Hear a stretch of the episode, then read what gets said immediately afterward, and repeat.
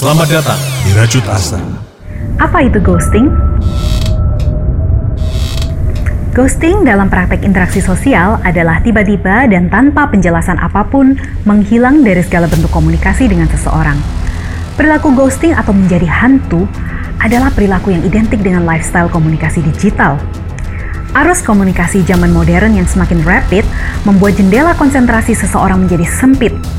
Jalinan relasi personal jadi sulit dan percakapan sederhana pun akhirnya jadi rumit. Kenapa bisa begitu?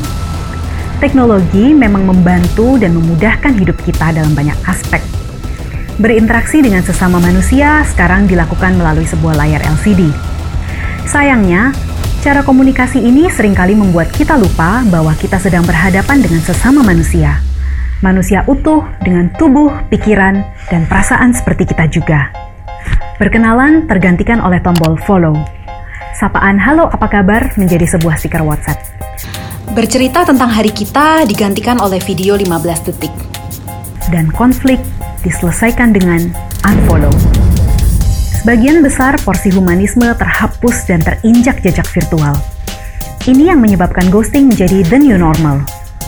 Seseorang yang hanya berupa nomor kontak tanpa nama dengan begitu mudahnya dilupakan, tidak terbalas. Seringkali kita dihadapkan kepada pembicaraan yang sulit. Menegur karyawan, menolak tawaran bisnis dari teman lama, membicarakan masalah dengan partner romantik kita. Ghosting pun akhirnya jadi solusi yang cepat. Pihak yang dighosting akan sering dihantui rasa kebingungan, terus menebak-nebak apa yang terjadi sehingga dia memutuskan segala bentuk komunikasi. Tidak jarang perasaan dihantui ini menanamkan pikiran bahwa aku mungkin tidak cukup berharga Pernahkah kamu dihantui?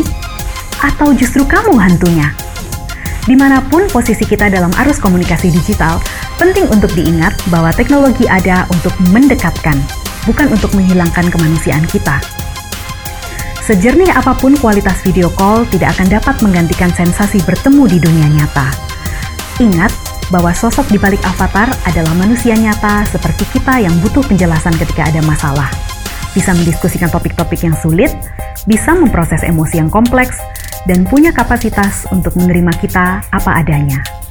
Mungkin ghosting, seperti namanya, memang bukan solusi yang diciptakan untuk manusia utuh seperti kita. Hai Prajut, temukan Rajut Asa juga di Facebook, Instagram, dan Youtube.